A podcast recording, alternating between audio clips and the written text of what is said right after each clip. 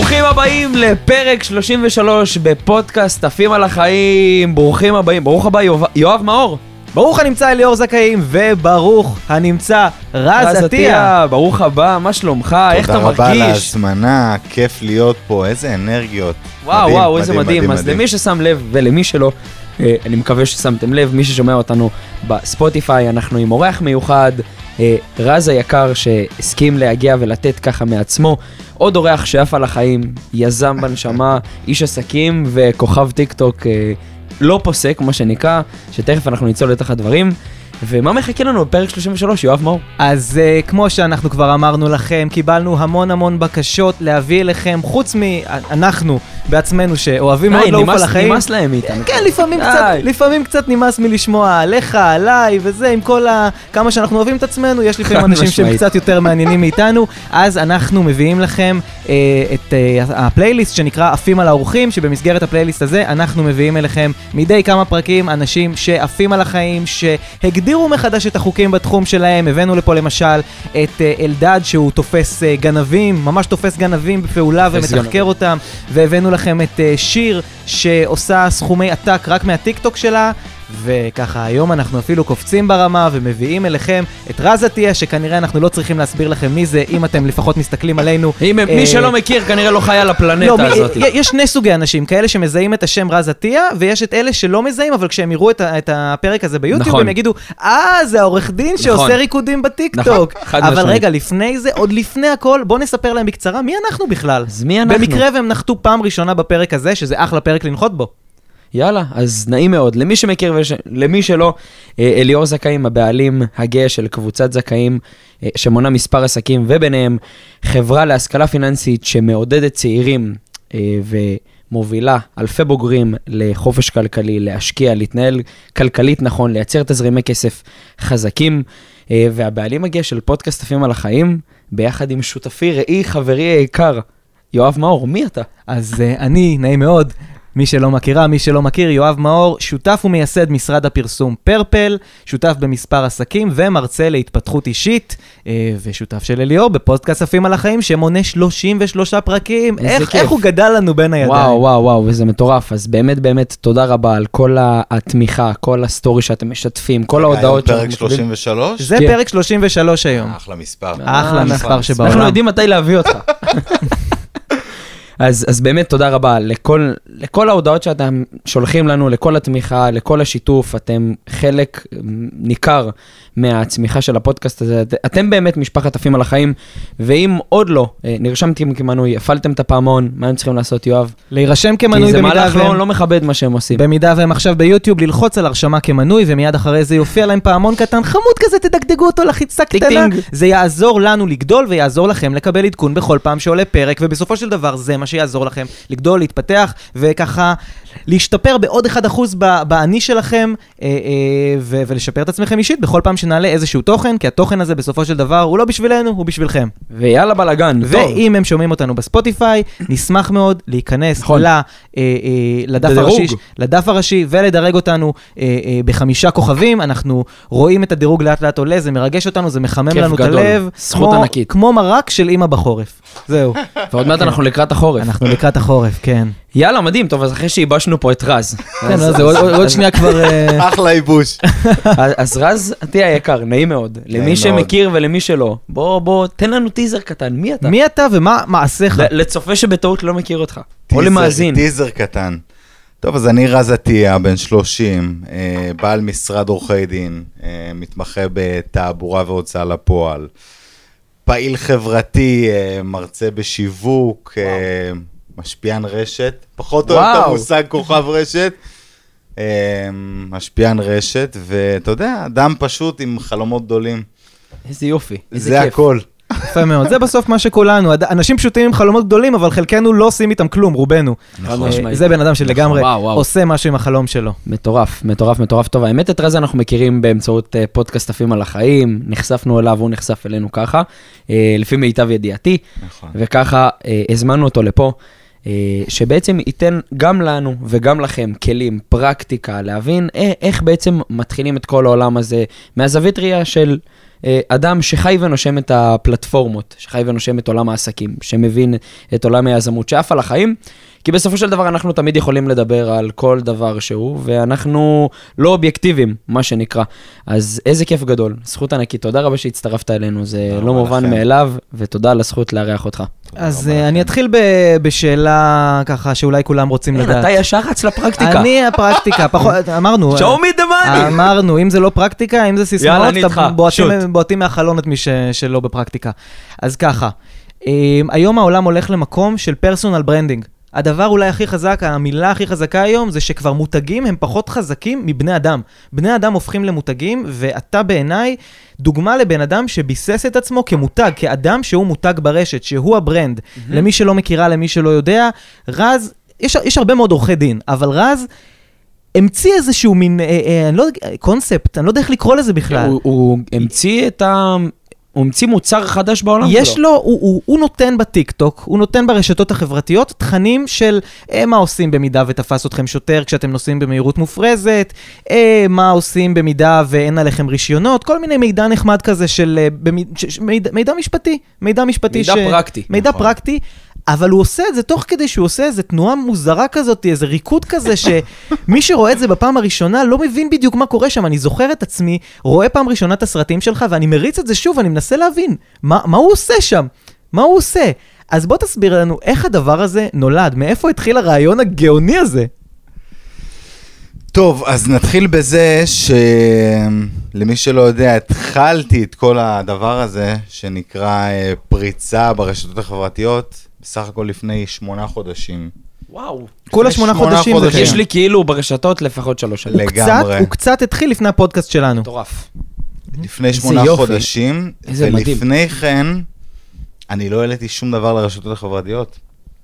שום דבר. כי היה לי פחד ממה אנשים אחרים יגידו, ומה אנשים אחרים יחשבו עליי, ולקח לי הרבה מאוד זמן להתגבר על הפחד הזה.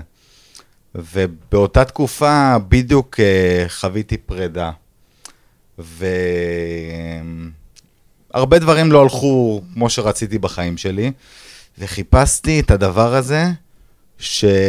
שיגרום לי לחזור לחיים וגם לעוף על החיים. וחיפשתי וחיפשתי ו... ומאוד רציתי את זה, ואני זוכר שהפחד הכי גדול שלי, הפחד הכי גדול שלי לפני שמונה חודשים, היה לעמוד מול מצלמה ולדבר מול קהל. וואו. מטורף. פחדים תראה איפה הוא היום, זה- זה זה- זה פסיכי. לגמרי, פחדים שאני זוכר אותם אה, החל מהילדות. החל מהילדות שאני זוכר שהמורה הייתה שואלת איזה משהו בשיעור, ו- ואני הייתי פוחד אפילו לענות את התשובה. איך זה תמיד בסוף המורות שמסריטות אותנו על עצמנו, זה מטור... הבן אדם חתיך עולם, גבוה, חטוב, חליפה נראה באמת... רווק. מה, מה שהוא יגיד אני משלם לו. לא משנה, יגיד תן, תן לי כסף בשביל אוויר, אני משלם לו. ו... ויש לו פחד מצלמה, איך, איך, אז איך מתגברים על זה? איך מתגברים על זה? אמ, תשמע, אני חושב שבסוף באיזשהו מקום נדח... נדחקתי לקיר, וכבר לא היה לי מה להפסיד, זאת אומרת, העסק לא כל כך הלך טוב באותה תקופה. אמ, חוויתי פרידה, חוויתי משבר, אוקיי? ודווקא מאחורי כל משבר כזה שאנחנו חווים, עומדת ההזדמנות לפריצת הדרך המשמעותית ביותר שאי פעם נחווה. וואו, זה זה באמת מטורף. ככה. מאחורי כל משבר שחוויתי בחיים, עמדה פריצת דרך. ובסך הכל, צריך להתגבר על, ה... על המכשול הזה, שנקרא הפחד. וואו, מטורף. אחי, יש לי רעידות בגוף שהוא אומר את זה. אני, אני רגע רוצה, יש לי איזה ניואנס קטן שאני אני רוצה רגע לסגור את הפינה הזאת. עכשיו מאזין, צופה, שומע, שומעת לנו. וכרגע יכול להיות שהם גם עוברים איזושהי טלטלה בחיים. אולי זה איזה פרידה מבן זוג, אולי איזה סכום כסף שהם רוצים להשיג והם לא יודעים איך להשיג, אולי עבודה שהם לא אוהבים. איך אתה מגיע למצב שאתה חווה משבר כל כך קשה, כמו שאתה אומר, שזה פרידה, והעסק לא הולך, ואתה עושה את השיפט הזה ואומר, טוב, זהו, אני מתחיל להעלות תכנים לרשתות החברתיות, בעברית צחה, רס בן אמו אני הולך להצליח. א- איך זה קורה? כאילו, כי איך, איך זה קורה? כי אתה יודע, זה, זה, אתה יכול גם לקחת את זה למ- למקום אחר ולהגיד, קשה לי, עצוב לי, אני הולך לעבוד בארומה, לא מזלזול, פשוט אה, זה מה שנוח וטוב להישאר לי. במיטה כל היום. בדיוק. איך אתה אומר לעצמך, זהו, אני מתחיל להעלות תכנים לרשת, לרשתות החברתיות, בן אדם שמפחד מ- מ- מדעות וביקורות של אנשים אחרים. אני חושב שהבעיה של רוב האנשים זה- שהם נמצאים באזור הנוחות, אוקיי? ובאזור הנוחות מאוד מאוד קשה לך לצמוח. דווקא כשאתה חושב, חווה משבר והערך העצמי שלך כל כך ברצפה, אתה רק רוצה להעלות את הערך העצמי. ומשם באתי לעולם הזה. בסך הכל רציתי להעלות את הערך העצמי שלי דרך מתן ערך לאנשים אחרים ברשתות החברתיות, ולהרגיש קצת יותר טוב עם עצמי, להרגיש סוף סוף משמעותי עבור אנשים אחרים, להעלות את הביטחון העצמי שלי. אני הייתי במקום הזה. עכשיו, הבעיה של רוב האנשים שהם נמצאים באזור הנוחות, ו... והם פוחדים להפסיד את, מה- את הקיים. כן. זה הבסיס. ואני כבר הגעתי למצב שאתה יודע, הרבה דברים לא הלכו לי טוב בחיים באותה תקופה. ואמרתי, טוב, אני הולך על זה all in. והלכתי על זה all in, ואני אמרתי לעצמי, טוב, אתה הולך להתגבר גם על הפחד מלעמוד מול קהל, גם על הפחד מלעמוד מול מצלמה. וזהו, לקחתי החלטה. איזה מטורף, זה גם שפע, כי הוא רצה לבוא ולעזור לעולם. זהו, זה מה שהוא אני רצה. באתי ממקום כזה, מעולם לא הייתה לי מטרה להיות כוכב רשת.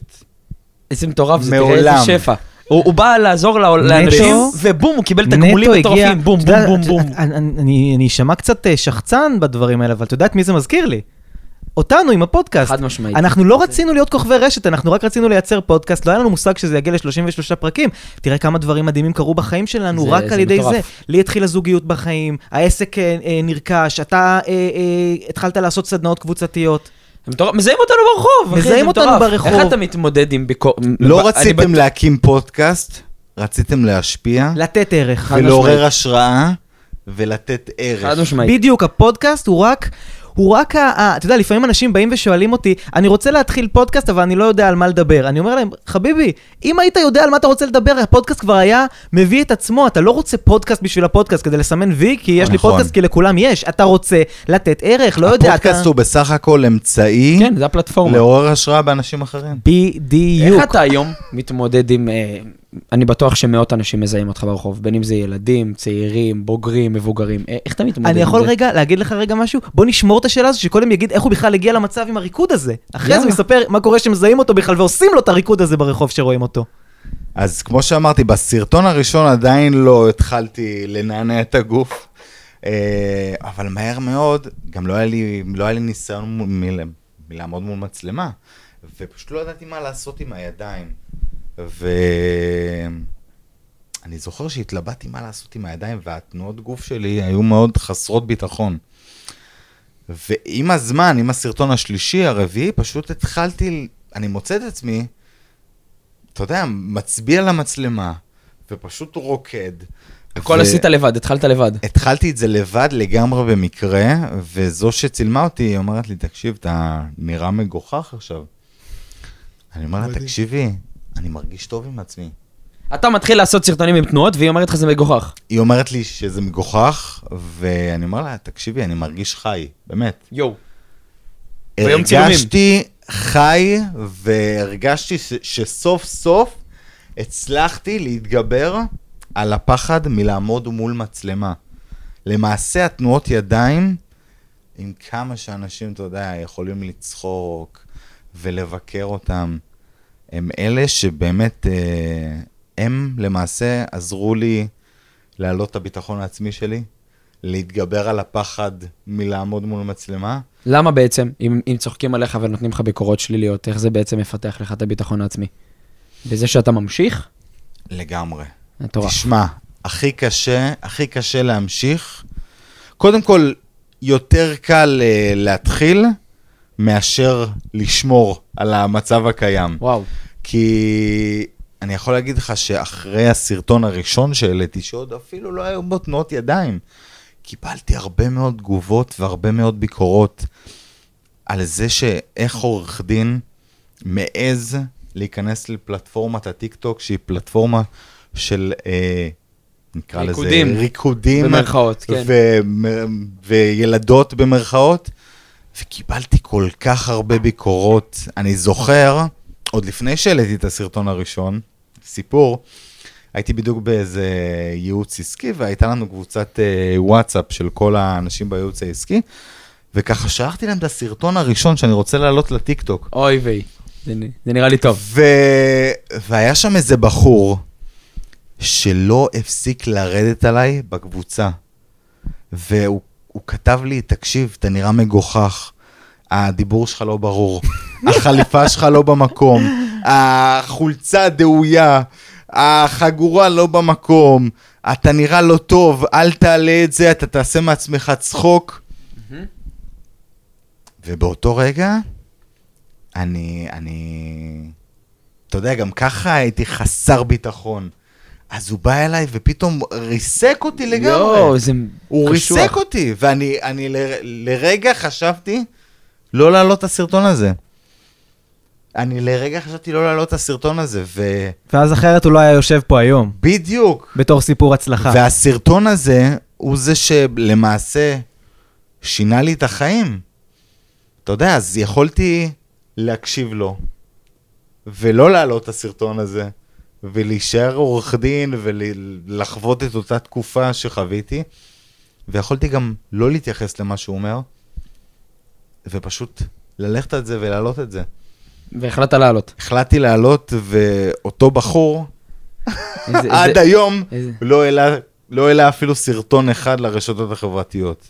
כן, יש לו כמה טריגרים שהוא צריך לפתור עם עצמו. בדיוק. כי יש סוגים של אנשים שאתה יודע, שעושים, ואין להם בעיה לקפוץ, כמו נכון. שאתה אומר בצרפתית יפה, רס בן עמו לתוך המים. כן. ויש את אלה שאוהבים לצקצק מהצד. נכון. אני לא ראיתי עדיין צקצקן אחד, מישהו אחד שמגיב לי נגיד תגובות הייט על הדברים שלי, שאני נכנס לפרופיל שלו ורואה מלא תוכן, נכון. מלא עשייה, רואה הבן אדם תותח. לרוב זה בוטים, אנשים בלי תמונת פרופיל, ואנשים שכנראה התגובה שלהם אצלי, זה שאני ראיתי אותה בכלל, זה הדבר הכי רחוק שהם ישיגו בחיים שלהם. ברור, הנה, עכשיו תראה, אנחנו לקראת בחירות. מי הולך לנהל את המדינה בצורה הכי טובה?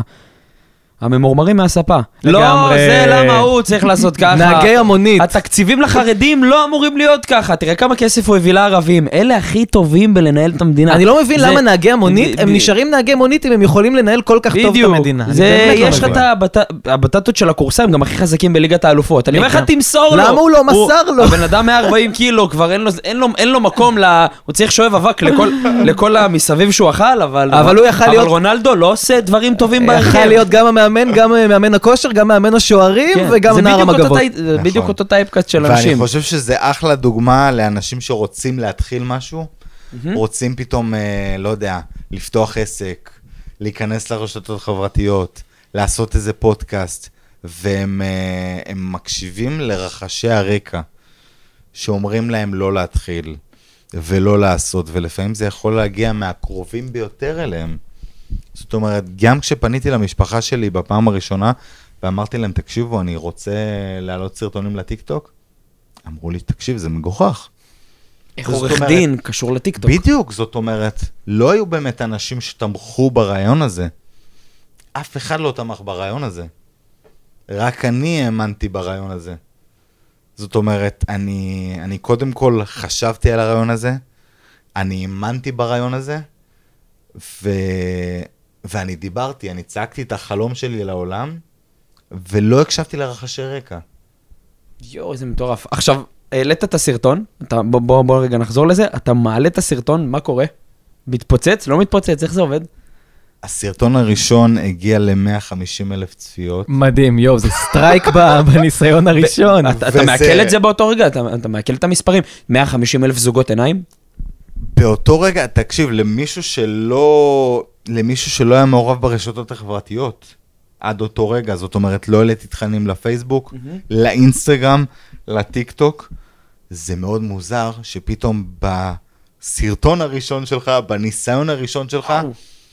אתה מגיע לכל כך הרבה אנשים, זה מטורף. וואו. ופתאום, אתה יודע, מתחילות ה... כל התגובות השליליות וההייטרים והשנאה, כאילו, הוא הוא? קיבל- הוא קיבל את כל החבילה ב- ב- באותו יום. כל השפע, השפע, אני אומר במרכאות, הטוב והרע שהרשת החברתית יכולה יום. להביא, הוא מקבל באותו יום. אני הייתי יכול להיות מסתתר מתחת לכורסה אם זה היה קורה לי. קשה לך להכיל את זה בא, באותה סיטואציה. זאת אומרת, זה לא קרה לי בהדרגה, אלא זה קרה לי פשוט בבת אחת. יואו. וגם ככה לא הייתי, לא הייתי בן אדם שחסין מביקורות אז. כן, זה היה היה מאוד לי- בתולי, זה זה ה... בדיוק, והיה לי מאוד קשה להמשיך אחר כך, אחרי כל התגובות הרעות, וכל האנשים פתאום, אתה יודע, מעבירים את זה בוואטסאפ, ושולחים לי הודעות.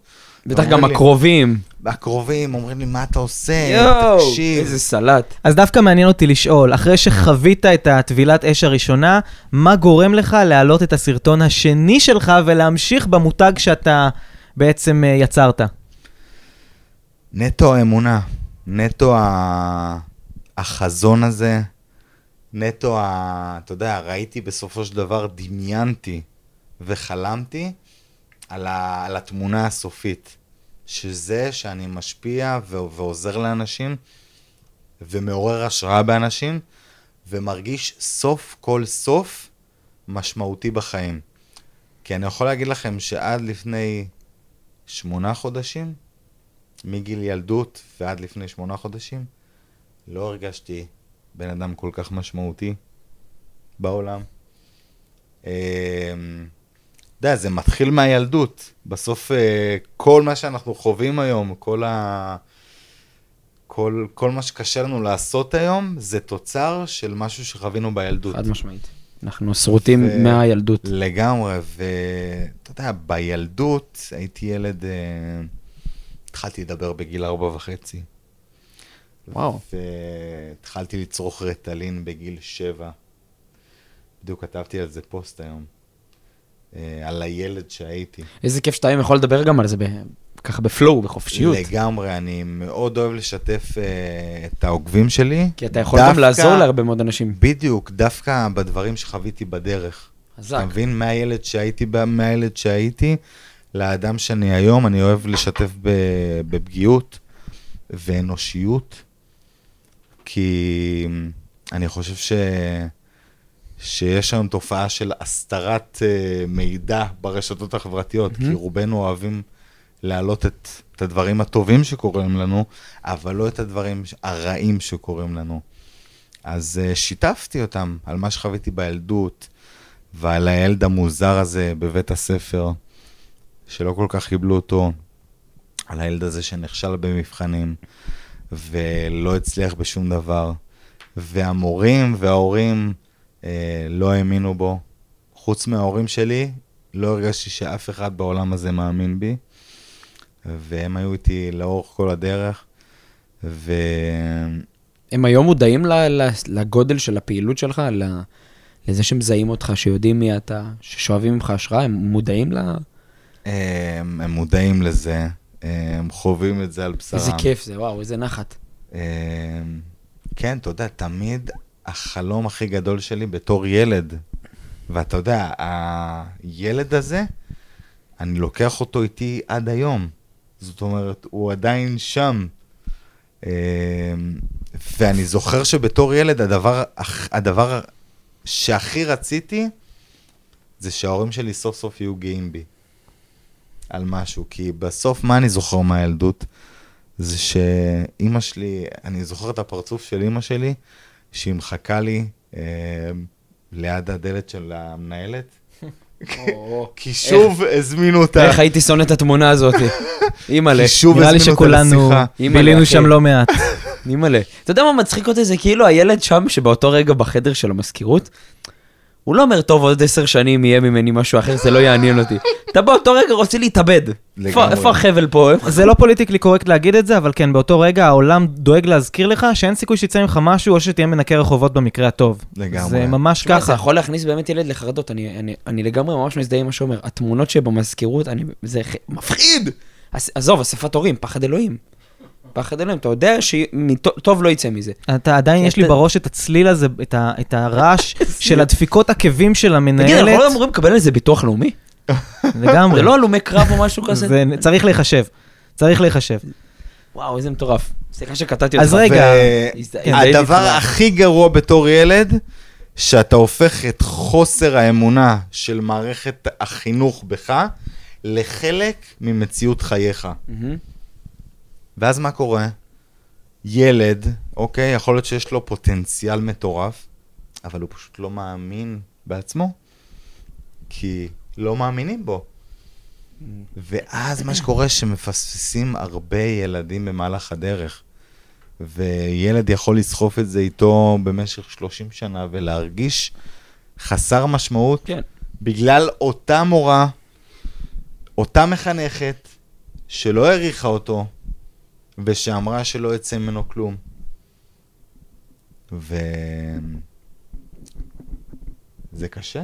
מה, זה משהו שסוחב איתך כל החיים.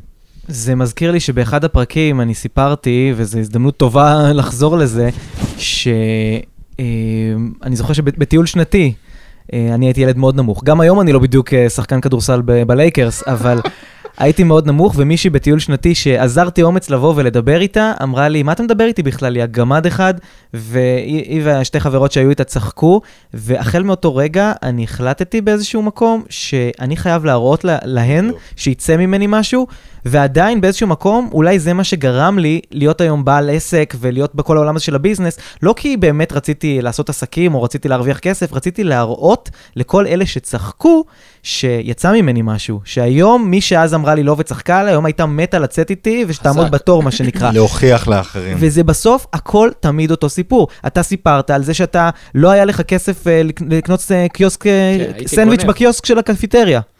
כן, גם בקפיטריה וגם הייתי גונב בקיוסק מחוץ היית ספר. גונב, ואז הבחור תפס אותך גונב בורקסים והרגשת מושפל. אתה מבין? זה בסוף אבל- תמיד אבל ככה. אני לגמרי מסכים איתך, אבל תראה, גם בסופו של דבר זה יישמע קצת קשוח, אבל האדם צריך לקבל על עצמו אחריות. אם אני, אתה והוא לא היינו מקבלים על עצמנו אחריות, ולוקחים ועושים איזשהו צעד, יכלנו להמשיך להיות הטיפוס הזה ש, ש, ש, שקשה לו. כן. תראה, אני, אני עד היום, אני, אני גם יודע בדיוק איפה הקיוסק הזה, הוא עד היום קיים, אני עדיין עובר שם, אני מתבייש לעבור שם. עדיין הילד. הזה עם הקיוסק לפעמים מתעורר וצץ, ויש לך איזה יום במשרד. שאתה אומר, אולי אני עדיין האפס הזה עם הקיוסק, אולי אני עובד על. כולם. זה, זה, זה. חוזר וזה לפעמים מרים את הראש, ואני חושב שהעולם מורכב משני אנשים. כאלה שהיה להם משהו קשה בילדות ולא עשו עם זה כלום ועדיין חיים שזה הדבר הנכון, וכאלה שפשוט קמו והתעשתו על עצמם ואמרו, נכון. אני הולך להיאבק בדבר הזה, כי מה שקרה לי פעם זה לא אני, זה, זה משהו שקרה פעם, זה בסך הכל אוויר חם שמישהו הוציא מהפה ואמר לי משהו, ואין לזה שום השפעה על מי שאני אה, בעתיד שלי. נכון, ב- אני, יש, לי, יש לי משהו שהוא, שאני רץ איתו מאוד, איזושהי מנטרה מאוד אה, חזקה שאני מאוד מאמין בה. לכל בן אדם בעולם יש שריטה במוח. לכל בן אדם, אחד חטף אה, מכות בילדות, אחד גנב, אה, באחת בגדו, וכל אחד יש לו את השריטה. מי שבסוף, לדעתי, הוא המנצח, הוא מי שלקח את כל השריטות שלו והוציא מהם פירות. הוא לקח את כל הכוויות שהוא חווה, הוא לקח את כל השריטות, את כל המכות הקשות הנפשיות, הפיזיות, והפך את זה לסיפור הצלחה שלו. נקודה. ככה בן אדם לדעתי נמדד במבחן התוצאה, מה שנקרא. כמובן שיש דרך, וכל בן אדם הוא צריך גם טיפולים ודברים כאלה, מי כמונו יודע. אבל בסוף, בסוף, בסוף, בן אדם שלוקח את הילד הקטן הזה שמפחד לדבר עם המצלמה, ו- ורגע לפני שהוא מעלה, עוד אומרים לו, אחי, החולצה שלך דאויה והחליפה לא במקום, הוא מעלה את הסרטון, 150 אלף צפיות. וזה מה שהוא אמר בהתחלה. שברגע שאתה הכי בסכלה, זה הרגע שאם אתה יוצא ממנו, אתה מגיע לפריצת הדרך המטורפת שלך, וה-150 אלף צפיות האלה, זה היקום, תגמל אותו. זה תמשיך. היקום תגמל אותו. לי, נכון. על זה שהוא היה בכל הסכלה ובכל האיכס. זה תמשיך. ואנשים אמרו לו, לא, זה לא יצליח, זה לא יצליח, והוא אמר, על אפכם ועל חמתכם, אני מעלה את התוכן הזה. ואז מגיע הקטע שזה מתפוצץ, וכמו שאליאור שאל, בוא נחזור לרגע הראשון שבו מזהים אותך ברחוב, מה קורה באותו רגע? איזה שאלה, אה? לגמרי. אני יודע לשאול שאלה. תשמע, באותו רגע, אתה לא מצליח לעכל את זה. שפתאום בן אדם עוצר אותך ברחוב ומזהה אותך. אתה לא מצליח לעכל את זה, ופתאום הוא רוצה אבל יש לך. תחושות, אבל יש לך תחושות בגוף. מה, מה התחושה שעוברת לך בגוף, שבן אדם אומר לך בוא נעשה סלפי? מצד אני יכול אחד... להגיד לך, רגע, שנייה לפני שאני זה, אני יכול להגיד לך שאני הרגשתי, מי, מי אני, אחי? מה, נכון. מה אתה רוצה ממני? נכון. אתה, אתה מתבלבל, זה בטח, אתה מזהה מישהו אחר שאני סתם דומה לו במקרה. מצד אחד זה מרגש מאוד, כי אתה יודע, מישהו רוצה להצטלם כן, איתך, זה- אתה מרגיש פתאום איש חשוב מאוד. ומצד שני, פתאום אתה, אתה מבין שהעולם לא יחזור לקדמותו, ואתה לא תחזור להיות אנונימי, כמו זה פעם. טריגר. זה צרות טובות אבל. ולפעמים, לפעמים אני יכול להגיד לכם שזה חסר לי. מהמקום הזה ש...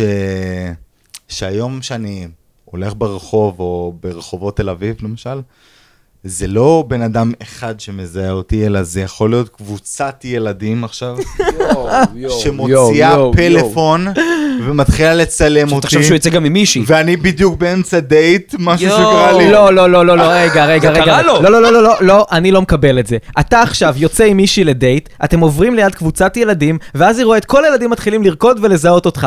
אל תשקר שזה לא מרים לך בטירוף, וזה גם משדרג את ערך הדייט. מצד אחד זה מרים מאוד, ומצד יכול להיות שני, גם מבהיל. זה מצד שני מוזר מאוד. תקשיב, אני יוצא עם מישהי, אוקיי? יוצא עם מישהי בדייט, מסתכל כזה שמאלה, אני רואה בן אדם כזה, עושה לי ככה, אוי ואבוי, הוא קלט אותי, הוא קלט אותי, ואז אני מסתכל כזה אחורה, ופתאום מישהו עושה לי כזה. אוי ואבוי. ואז אתה יודע, אני הולך לשירותים, ומישהו רוצה להצטלם, ואז אנחנו יוצאים מהמקום, ופתאום שיירה של ילדים קולטת אותי, ואומרת לי, תעשה את הסרטון הזה, אה, עולים על ה... עישנתם ועולים על ההגה, ותעשה את הסרטון הזה. ברכות יום הולדת מבקשים? מוציאים, זה קל, כאילו, זה קל. ופשוט מוציאים את. הפלאפונים, והבחורה פשוט נמצאת בצד. היא קופאת, אחי. היא לא יודעת מה קורה. אתה מבין שזה זה- זה בעלה, אתה מבין ש- שמישהי צריכה להכיל את זה. אבל היא. יודע- היא יודעת ש- היא יודעת שהיא יוצאת עם סלב, אבל לא? אתה- אבל אתה אף פעם לא מבין את זה עד שאתה לא מגיע היא לס... לא, אתה- אתה בדיוק. לא רואה אתה- עד אתה רואה את זה מוחשי. אתה רואה את זה מוחשי. תחשוב, היא 20-30 רואה את- ילד, בום! היא עליו. רואה את זה באופן מוחשי, וזה קטע מאוד מאוד מוזר. זה קטע... טוב, ככה אתה יכול לבדוק אם מישהי רצינית איתך, אם היא- אם היא תס- אם היא תספוג את זה, זהו, אחי, זה... אני אגיד לכם מה הדבר הכי קשה בכל העניין הזה, זאת אומרת, יש את העניין של אז זהו, בדיוק. החיבוק מהקהל. בדיוק, בדיוק. רצינו גם לדבר באמת על הצד שהוא קצת לא נעים. זהו, אז יש את העניין של, כמובן, כולם אוהבים אותך ומחבקים אותך ותומכים בך. במיוחד כשאתה עוזר להם לצאת נכון. ממצבים משפטיים. בדיוק. שסוף סוף יש עורך דין שנותן את הערך שלו לעולם, ולא שומר על הערך שלו. גאוני, אה, מה שאמר עכשיו. בדיוק. אה, כל העורכי דין זה כזה, כן, כן, תגיע לפגישה, תגיע לפגישה, תגיע לפגישה. נכון. הוא הוא מביא להם את הפגישה כבר בסרטונים, קחו, זה זה מה ש... נכון. זה. גאוני. מוצר חדירה, נקרא לזה ככה. מדהים, מדהים. אה, אבל פתאום כל כך הרבה אנשים רוצים בקרבתך, וכל כך הרבה אנשים שולחים לך הודעות, וכל כך הרבה אנשים אה, מנסים ליצור איתך קשר וטלפונים, ואתה רוצה בסוף לענות לכולם ולגעת בכולם, ואתה לא יכול בסוף. גם ברחוב, שאני לפעמים מסתובב פתאום בחמש לפנות בוקר, שחבורה של ילדים מזהה אותי, ורוצה להצטלם איתי, ורוצה שאני אעשה להם וידאו, ואני כולי גמור מעייפות. וואו, זה עוד עבודה. ותשוש, ותשוש, אבל אני לא יכול לא להג... אני, יכול... אני לא יכול להגיד להם לא, וקרה לי פעם אחת ש... שהייתי בדיוק באיזה מסעדה, ופתאום איזה ילד זיהה אותי. והייתי, אתה יודע, הייתי באמצע הארוחה, ובדיוק דיברתי עם אנשים, ואמרתי לו, הוא רצה בדיוק להצטלם, לעשות וידאו, אמרתי לו עוד כמה דקות, והוא הבין שאני כאילו אה, לא מסכים לעלות איתו. שנפנפת אותו, שיצאת שנפנפתי סנוב, אותו. שעלה לך לראש. ואז אה, אני לא אשכח את התמונה הזאת, שאבא שלו בא אליי, אוי ואבוי. ואומר לי, תגיד לי, אתה לא מתבייש? הילד הזה אוהב אותך ואתה ככה מנפנף אותו? ואתה יודע, באותו רגע אני, אני, שמע, אני באיזה- אומר לו, אני. מתנצל, אני זה, והוא עדיין, עדיין היה במקום הזה של ה... במקום הפגיע הזה, והוא אומר, לא צריך את הטובות שלך. אתה לא יודע איך להכיל את הסיטואציה. כי אתה נטו בא ממקום טוב, ו- ואז אתה מבין שאתה לא יכול לרצות את כולם. כן, אנשים צריכים לא להבין שהוא לר- לא מכונה שאתה שם שקל והוא מתחיל לרקוד. אבל לא זה. משהו שאתה לוקח איתך, תקשיב, זה משהו שאתה לוקח איתך, את אותו הפרצוף של הילד, שאתה או יודע, שתתחיל להסתובב שומר ראש. הוא- הוא הוא ינפנף בשבילך. התבאס עליי, והפרצוף של האבא, ואתה יודע, ניסיתי אחר כך בטח לבוא... הלכת לישון עם זה גם בלילה. אתה הולך לישון עם זה. הוא עדיין עם זה, זה בטח, זה מלפני כמה זמן זה קרה המקרה הזה. זהו, זה קרה לפני חודשיים. אבל אבל יואב, אנשים גם צריכים להבין. בן אדם עם משפחה במסעדה, באיזה משהו אישי. אבל מבחינת כל אבא, הילד שלו זה כל העולם. וכשהילד מעריץ את רז עטיה, בוא, לא תגיד נועה קירל, רז עטיה. נכון, אתה צודק. אז כאילו, אני לא רוצה לחשוב מה עובר על נועה קירל. אתה יודע מה? לא רוצה לחשוב מה עובר על נועה קירל. הוא הנועה לא- קירל של משפ- של עולם לא- המשפטים. לגמרי, נועה קירל של עולם המשפטים. זה שם הפרק, זה אנחנו נשים שם הפרק. אז אה, כן, זה מאוד מוזר, ופתאום אתה מבין שאתה לא יכול לענות לכולם. זאת אומרת, הרבה אנשים שולחים לי הודעות באינסטגרם ובפייסבוק, אני לא מצליח לענות כן, לכולם. לגמרי, זה גם אני ויואב חווים. ואז האנשים באינסטגרם. נפגעים, למה אתה לא עונה לי? או לדוגמה, אני לא עונה פתאום לאנשים בוואטסאפ. בוואטסאפ. אני לא יכול לענות לכולם, גם אם אני רוצה, אני מנסה לענות, לפעמים זה מתפספס. כן, לגמרי, זה גם מובן. אנשים נפגעים מזה. אני חושב שזה אולי אחת הבעיות, או נקרא לזה האתגרים של התקופה, ואני רואה את זה גם על עצמי. ברגע שאתה, היום, את, ה, ה, כשאתה מותג, אתה יכול להבין, כי אנשים רוצים לקנות ממך ושולחים לך הודעות, וכנראה כשאתה מותג, יש לך גם אה, מנהלת אה, שירות לקוחות, ויש לך אנשים שעונים לאנשים, אבל כשאתה הופך את עצמך, והיום הרשתות החברתיות, יש להם את היכולת להפוך כל אדם בן לילה נכון. למותג, אתה פתאום מבין שאתה בן אדם אחד, שהוא בעצם brand, שיש לו מעריצים, שיש אנשים עושה shift שצריכים... מאוד מהר. צריכים את תשומת הלב שלו. אני היום, באמת אומר לך, אני היום צריך עוזר, עוזרת אישיים, שיענו לכל ההודעות שאני מקבל ב inbox, ואני לא חצי עדיין מהרמת אה, חשיפה שרז מגיע אליה. זה מטורף לגמרי. כן, כן, ואתה מקבל לפעמים- אינבוקס יותר מ- מבר רפאלי. רוב הוואטסאפ שלי ורוב ה inbox שלי זה פשוט כמויות של, אתה מכיר את ההודעות האלה שזה מיליון סימני שאלה אחד אחרי השני, שזה אנשים מתוסכלים שכבר שלחו שלוש הודעות ועדיין לא הגעת לראות אותם. אין לי מושג עדיין מה עושים, לא פיצחתי את זה, באמת. אה? ומה עם הילדים האלו שרוצים ברכות ליום ההולדת? ומה עם הילדים האלו בבתי ספר שאומרים, אה, יש לנו מסיבת סיום ואנחנו רוצים סרטון ממך? יואו, וואו, זה מבין? מטורף. זאת אומרת... כאילו הער- הערך, השפע התפרץ. קח קח אה. הכל, בום.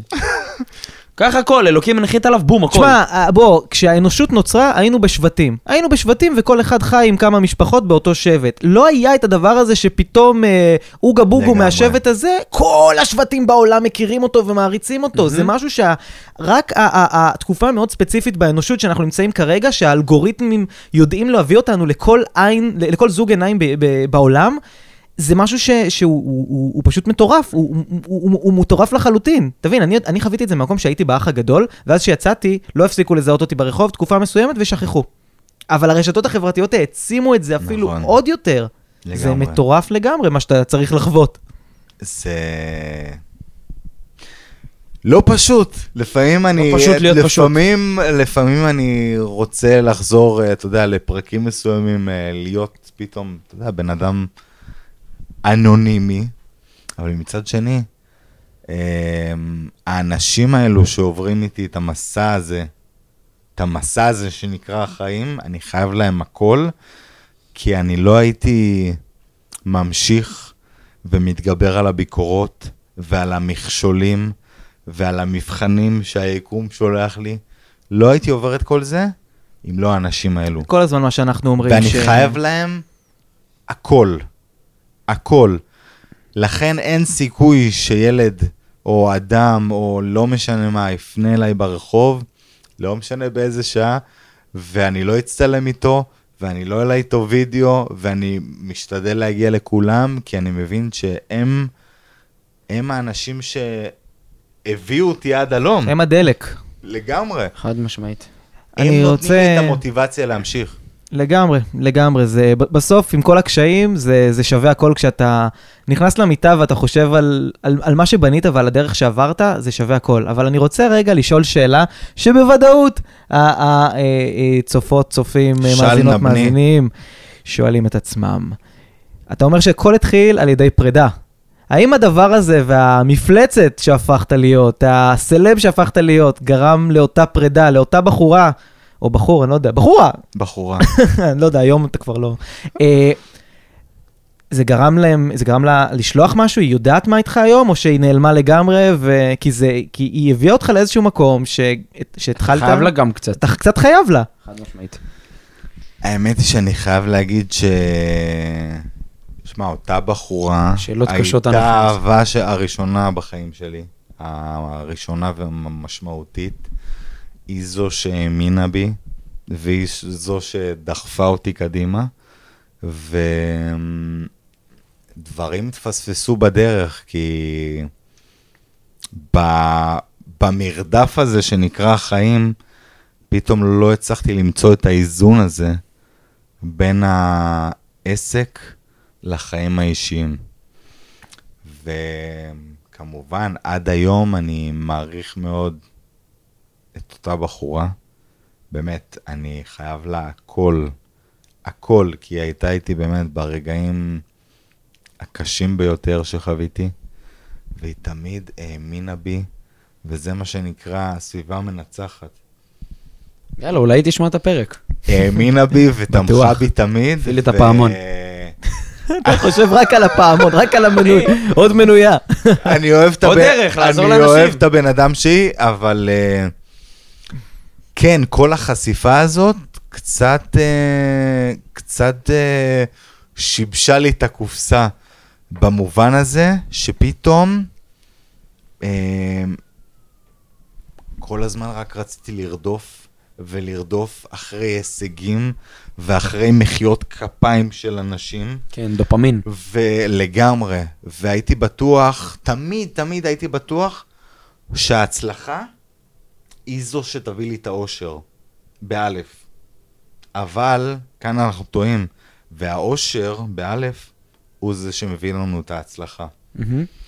ואנחנו תמיד, אה, אתה יודע, פתאום התחלתי להרגיש אחרי כל החשיפה הזאת, ואחרי כל הפריצה הזאת ברשת, שהרגשתי לא מאושר פתאום.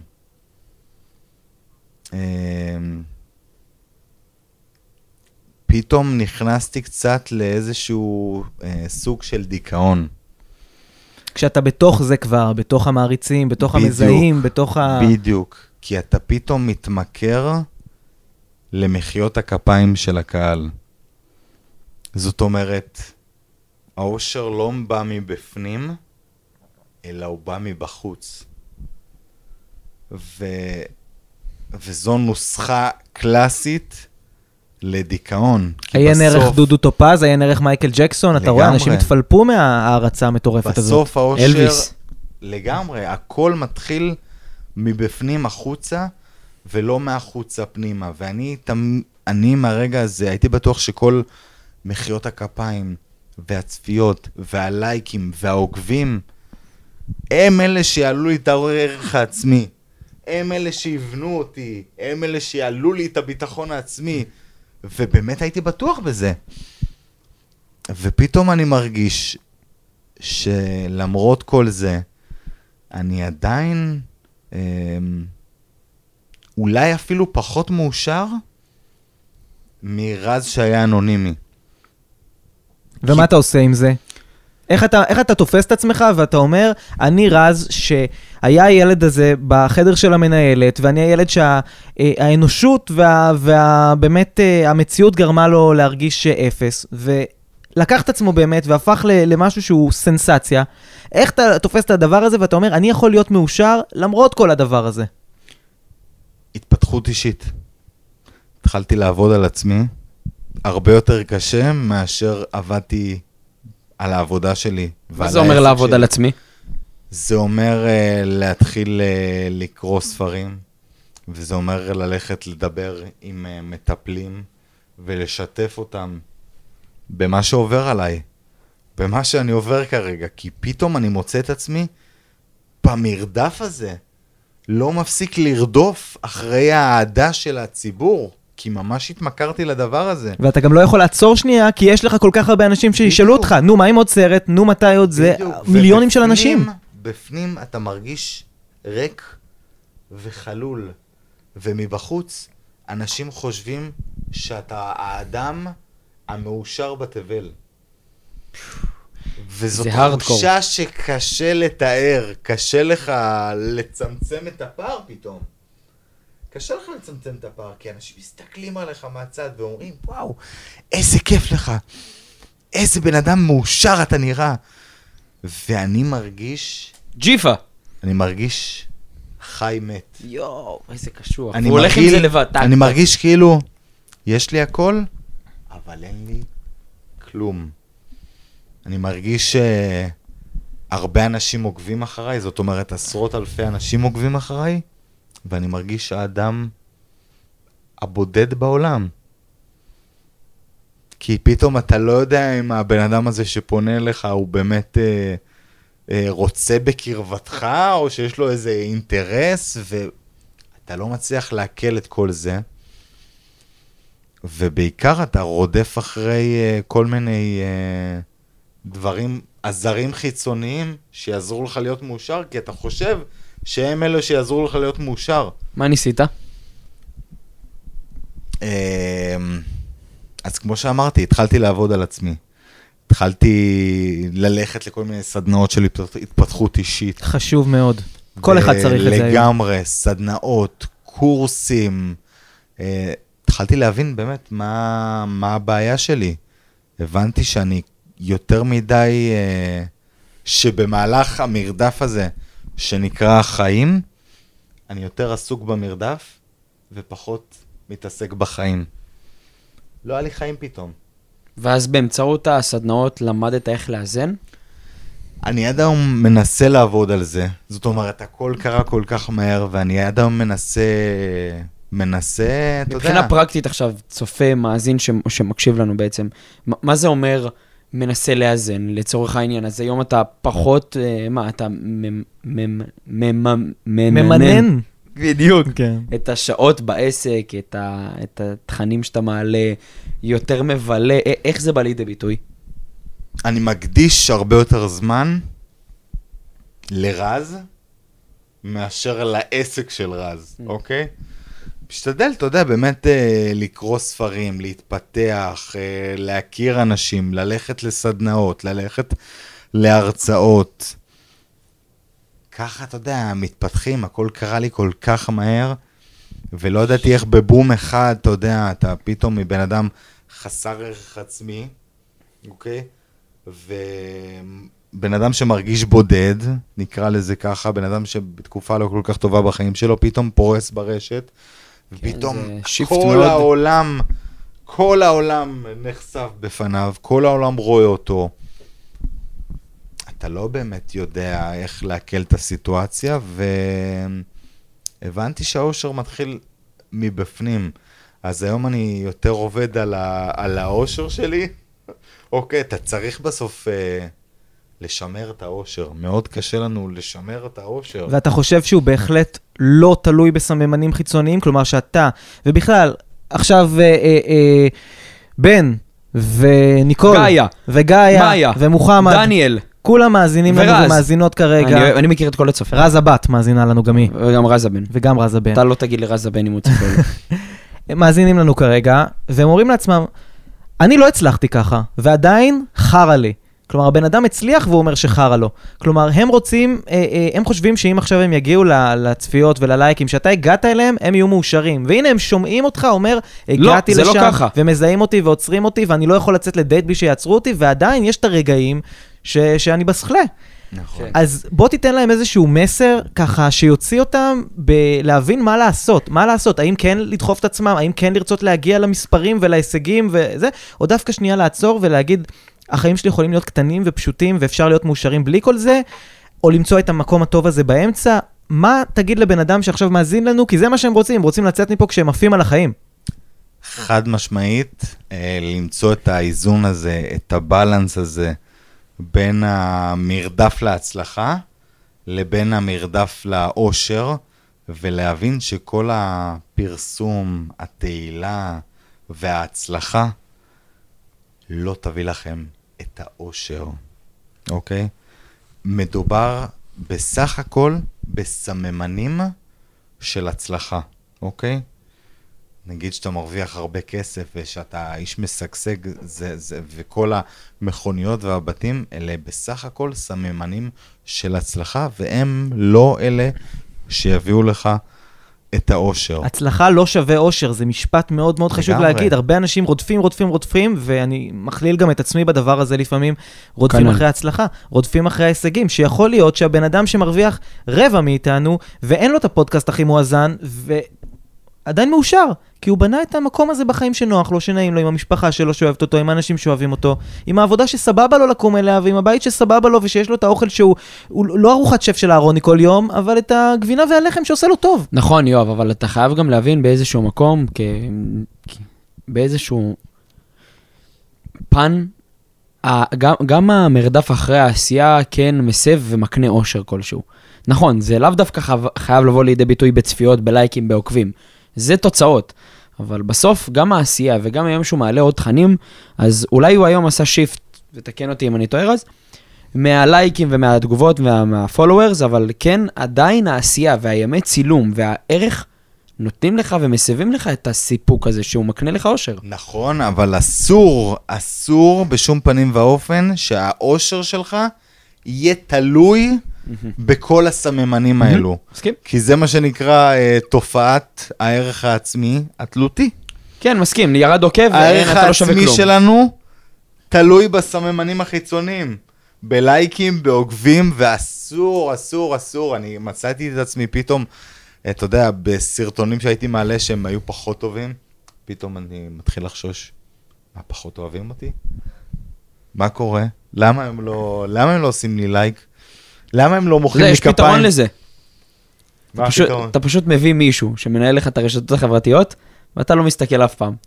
אתה לא יכול לא אתה- להסתכל. אתה יכול, בערך ככה חודשיים להיות בקשיחות עם עצמך, נכון. אחרי זה זה כבר לא מעניין אותך. יש קראתי על זה מחקר האמת. יש מישהי שמנהלת לי, לא, אבל, אבל, אבל השאלה אם אתה נכנס לראות צפיות, לייקים. אז זהו, בהתחלה הייתי נכנס כל הזמן, כל הזמן, כי זה, הייתי בטוח שזה מה שמסב לי את האושר.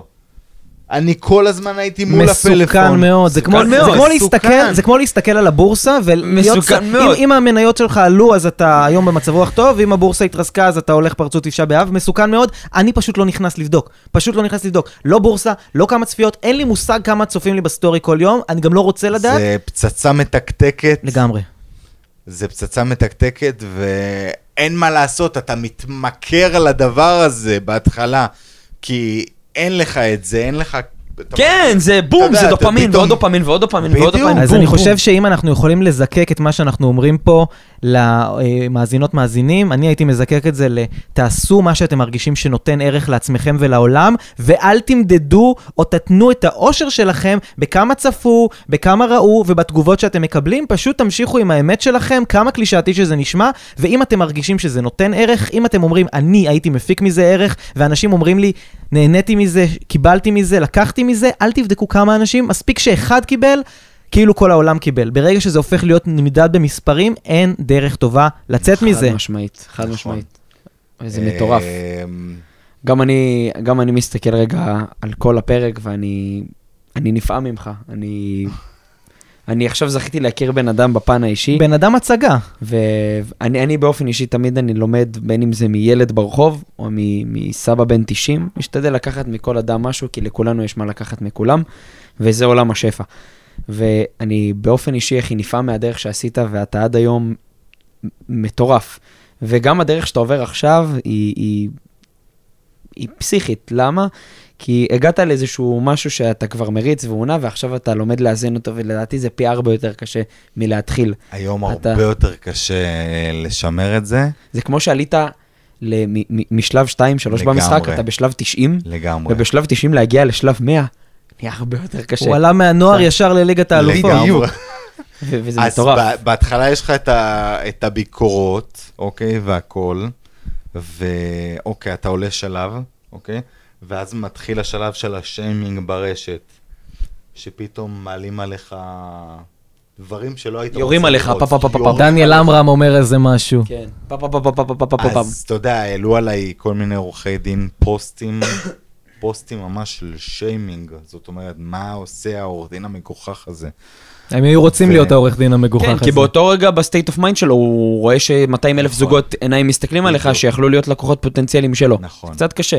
ואז- זה תודעת חוסר מטורפת. נכון, ואז אתה ממשיך, ואז אתה מקבל פתאום אה, תלונות מלשכת עורכי הדין. תלונות שבעצם אה, אוסרות עליך להמשיך להעלות את אותם סרטונים שאתה מעלה. היום. כאילו לקחו לו סלוטפ, שמו לו על הפה. וזה אחד הדברים הכי קשוחים שחוויתי, ואחת המתנות הכי ענקיות שקיבלתי. כי כאילו קיבלתי איזשהו מבחן מהיקום, אוקיי? כל הטירוף הזה התחיל בערך לפני חודשיים וחצי. אני מגיע לדיון בבית משפט לתעבורה, אה, בדיוק מנהל משא ומתן עם התובעת. פתאום, אתה יודע, תוך כדי אני פותח את המייל, אני קולט תלונה מלשכת עורכי הדין, ובאותו רגע אתה לא, אתה לא יודע מה לעשות. תלונה על מה אבל? שאתה בטיקטוק, שאתה רוקד, שאתה עושה תנועות עם הידיים? לא אומרים לך מה, אומרים לך פשוט תגיב בתוך 30 ימים. על בהמשך מה? על הבנתי מה ש- להגיב? על זה שהשיער בהמ- שלך לא מוצא חן בעיניהם? בהמשך הבנתי שפשוט uh, בגלל תנועות, לדעתם, לפי עניות דעתם, תנועות הידיים שלי מהוות uh, ביזיון מקצוע והתנהגות שאיננה הולמת uh, עורכי דין.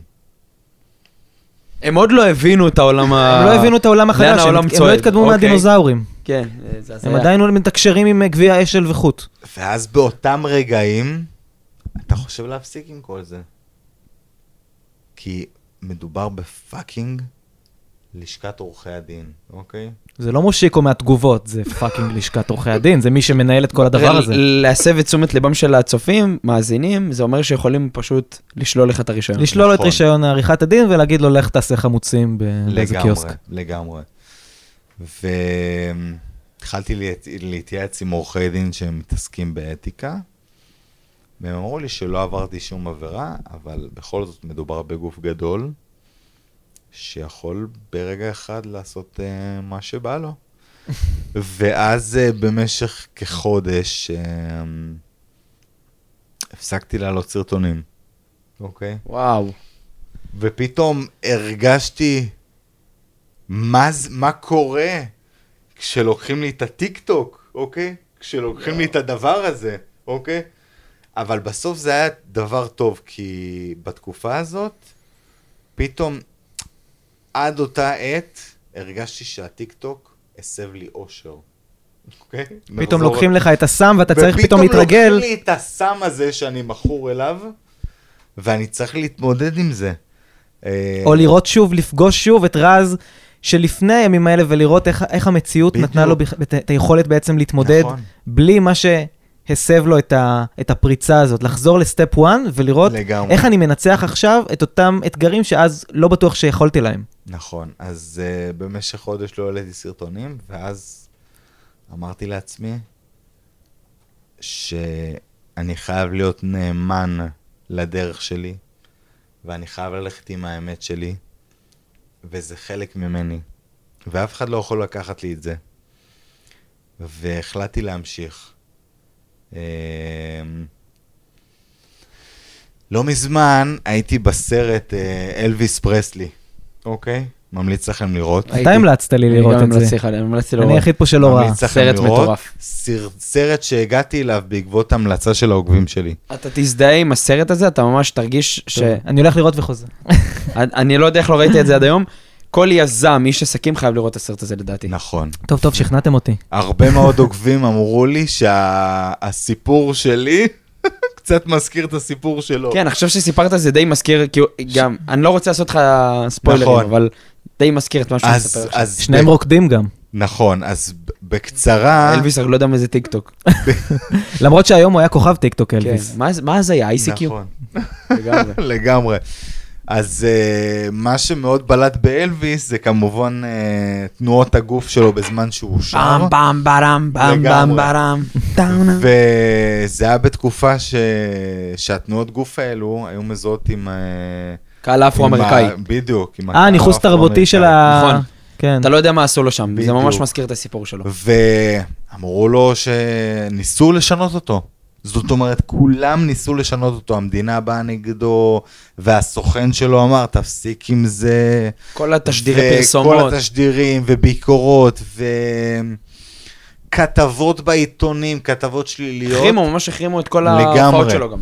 ואז היה את הקטע הזה שהיה את ההופעה הכי גדולה שלו, ורגע לפני הסוכן שלו אומר לו, אלוויס, כמו שקבענו, בלי תנועות התנועות. גוף מיותרות, בלי התנועות. בלי התנועות. רד מזה. ואז הוא אומר להם, בסדר. ואז הוא עמד מול הקהל, ואמר, הרגל שלו התחילה לרקוד גם. משפט שלא יוצא לי מהראש.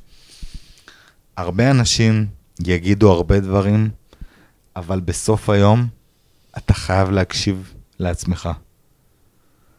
וזה משפט שאומר הכל שאני הולך איתו עד היום. אתה חייב להקשיב לעצמך בדרך, אתה תחווה קשיים, כישלונות, מכות מהיקום. הרבה אנשים ינסו לשים לך מכות בגלגלים, ינסו להפיל אותך, להתנקש בך, אבל אתה חייב להמשיך ולהקשיב לעצמך. אתה חייב להיות נאמן לעצמך, לערכים שלך. לא משנה מה אחרים יגידו. וככל שאתה תצליח יותר, ככה אתה תפגוש יותר אנשים שיגידו לך לגמרי. יותר דברים וינסו להוריד אותך מזה, אבל אני מאמין ש... והסיפור שלך רק מוכיח את זה, שאם קיבלת איזשהו מבחן, שאם זרקו לך איזשהו אתגר, כנראה היקום וזה שלמעלה שמכוון הכל, יודע שאתה מוכן להתמודד איתו. לגמרי, לגמרי. ואני חושב שכשאתה לא מקשיב לעצמך, ואתה לא עושה משהו שאתה רוצה לעשות, באמת רוצה לעשות, אתה בוגד בעצמך. חד משמעית. מה אתה עושה? אתה בוגד באדם הכי חשוב לך בעצמך. באדם היחיד שלעולם לא יעזוב אותך. לגמרי. אתה הולך לישון עם האדם הזה בלילה, וכדאי שתהיו ביחסים טובים. הולך לקום עם האדם הזה בבוקר, ואתה חייב להיות עם האדם הזה ביחסים הכי טובים שאתה יכול להיות איתו. מטורף. אה, נראה לי שזה הדרך אה, להוציא אותם מהפרק הזה. וואו, וואו, וואו, וואו. הייתי יכול להמשיך את השיחה הזאת גם עוד שלוש גם שעות. עוד שלוש כאילו. שעות. וזה מטורף. נראה לי כבר, אה, יו- יוטיוב אומרים שכדי לעלות את זה, תשלם על יוטיוב פרימ- פר- פרימיום גולד דלקס. פרו-מקס. כן. לסיום, אני חייב להגיד לכם, לאחר התלונה הזאת, חודש לאחר מכן, העליתי סרטון. אה, ואז שללו לי את הרישיון. ב-24 שעות הוא הגיע ל-750 אלף צפיות. אתה גרם ל-150 מההתחלה להיראות כמו דרדס כזה חמוד. בדיוק, העליתי אותו ביום רביעי, למחרת בבוקר, אה, אה, ישראל בידור תהיגו אותי בבוקר, ישראל בידור עמוד עם 250 אלף עוקבים. באינסטגרם יש להם גם מיליונים. נכון. בדיוק. אה, יום חמישי בערב, העליתי את זה ביום רביעי בבוקר, יום חמישי בבוקר מה היה אה, הם? העלו את זה. אה, סיפרת סוד לחברה, אה, אוקיי.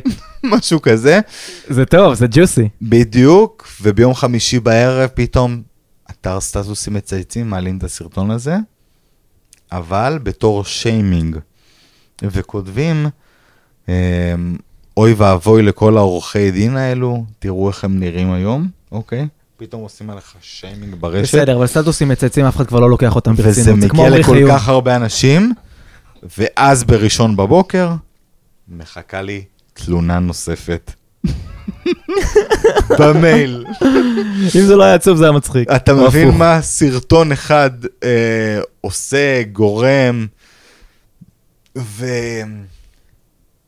וואו, כל כך ואתה עד היום הרבה. בתהליכים אה, לסדר את זה? אני בתהליכים לסדר את זה, ובסוף זה משהו שעשה לי טוב, כי...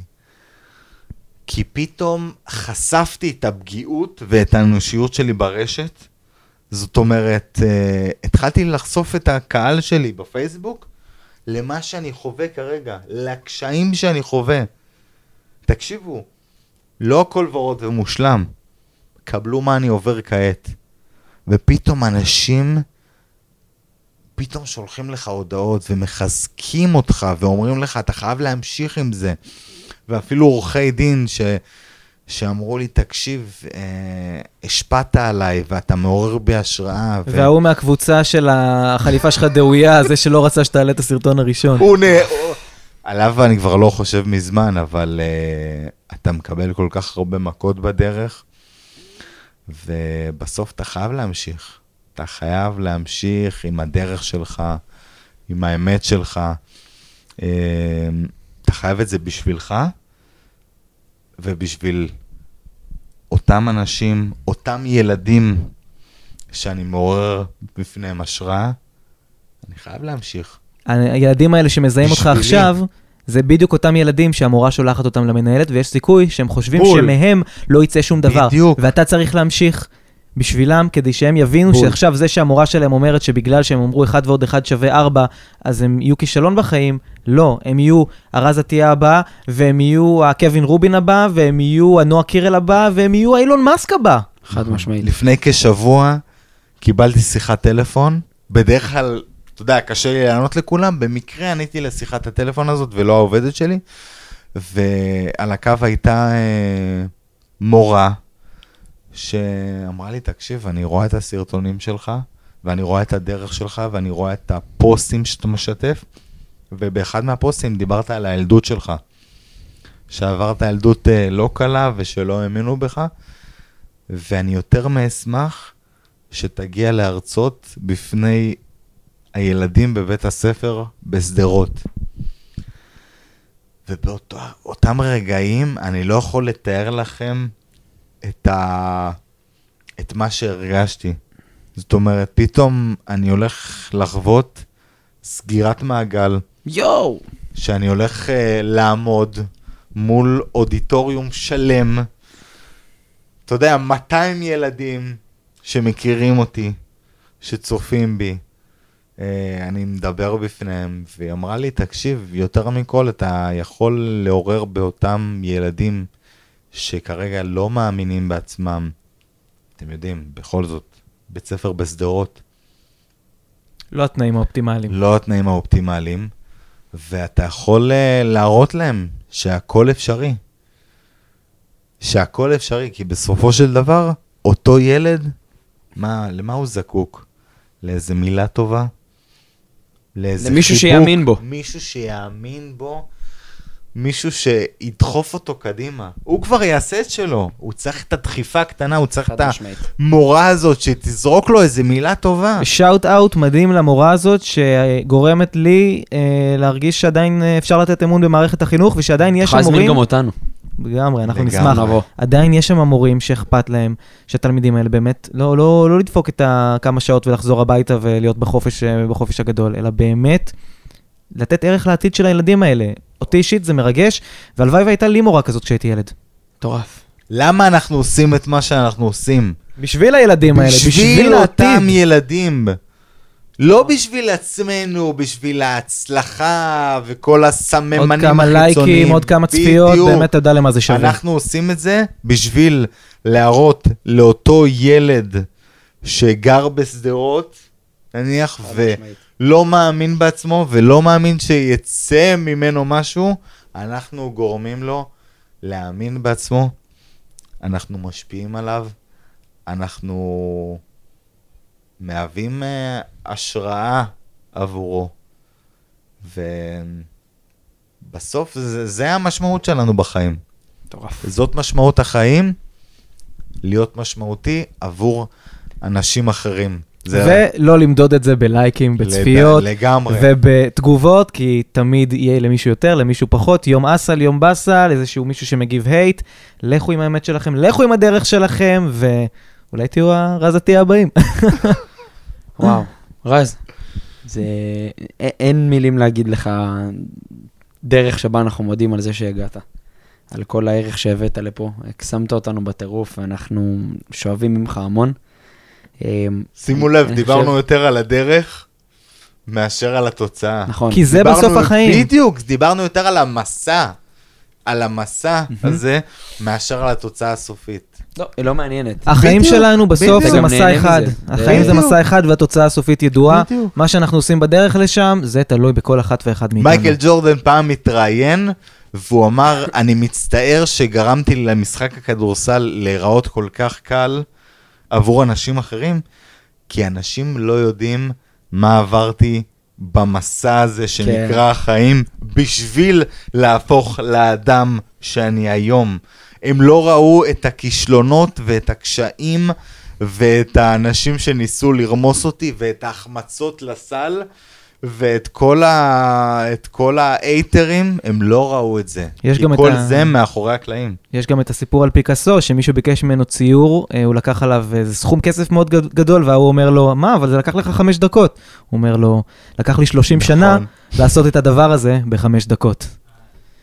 אז חברים, אז תודה רבה, רז עטיה. ורז, תודה רבה על אנחנו פרק. מעריכים אותך. אתה יודע, זה, קל- קל 33. להגיד, מעורר השראה, מעורר השראה. זה באמת, הדבר הזה היה ההגדרה המילונית. של מעורר השראה. אני יוצא מפה, מחר מתחיל שבוע חדש, אני כל כך שמח שהוטענתי באנרגיות האלה, כי לגמרי. אני גם מתמודד עם uh, תקופה של גדילה בעסק, של כאבי גדילה, ויש את הרגעים שאתה אומר, האם כל הדבר הזה שווה את זה בכלל, האם לא שווה לחזור להיות קטן, לחזור לכמה שעות ביום, ופתאום אני אומר, איזה כיף זה לעשות דברים גדולים, פשוט ול- תיזכר בלמה התחלת. פשוט להיזכר למה התחלת מטורף. במניע שלך ולהבין שגם אם היה יום יותר טוב, פחות טוב, מישהו זרק משהו, מישהו אמר משהו, מישהו קם, מישהו עזב, זה לא משנה, בסוף יש לך רק את עצמך, ואם אתה מאמין בדרך שלך, העולם כבר יתיישר. אז חברים יקרים, מקווה שלקחתם מהפרק הזה דבר אחד, שניים, שלושה, חמישה, עשרה, שבעים, שמונים, תשעים. יש לפחות 900. ו- ו- ואנחנו אנחנו בסוף כל פרק אומרים, טוב, אם אתם רוצים להשיג את, אה, את האורח שלנו, אז בואו תמ- בואו תמצאו אותו בפייסבוק. הוא נראה- כבר- הוא כבר ישיג אתכם. בדיוק, נראה- נראה לי ש... שאנחנו צריכים להגיד איפה הם יכולים למצוא אותנו, אותו הם כבר יודעים. חברים, אז אה, תודה רבה אם, במקרה. אם במקרה עצרו אתכם, אה, נוהגים בזה, נכון. אתם צריכים עורך דין, אה, חבר'ה, אחלה עורך יש דין. לכם כמה הרצאות בתחום. של אתם תקבלו, אתם תקבלו גם ייצוג הרצאות, משפטי. תחום ההתפתחות האישית, תחום הרצאות, השיווק. גם הרצאות, גם ייצוג משפטי, ובעיקר הרבה מאוד השראה לתוך הוורידים עם מזרק. אז חברים יקרים, נתראה ונתראה בפרק. הבא.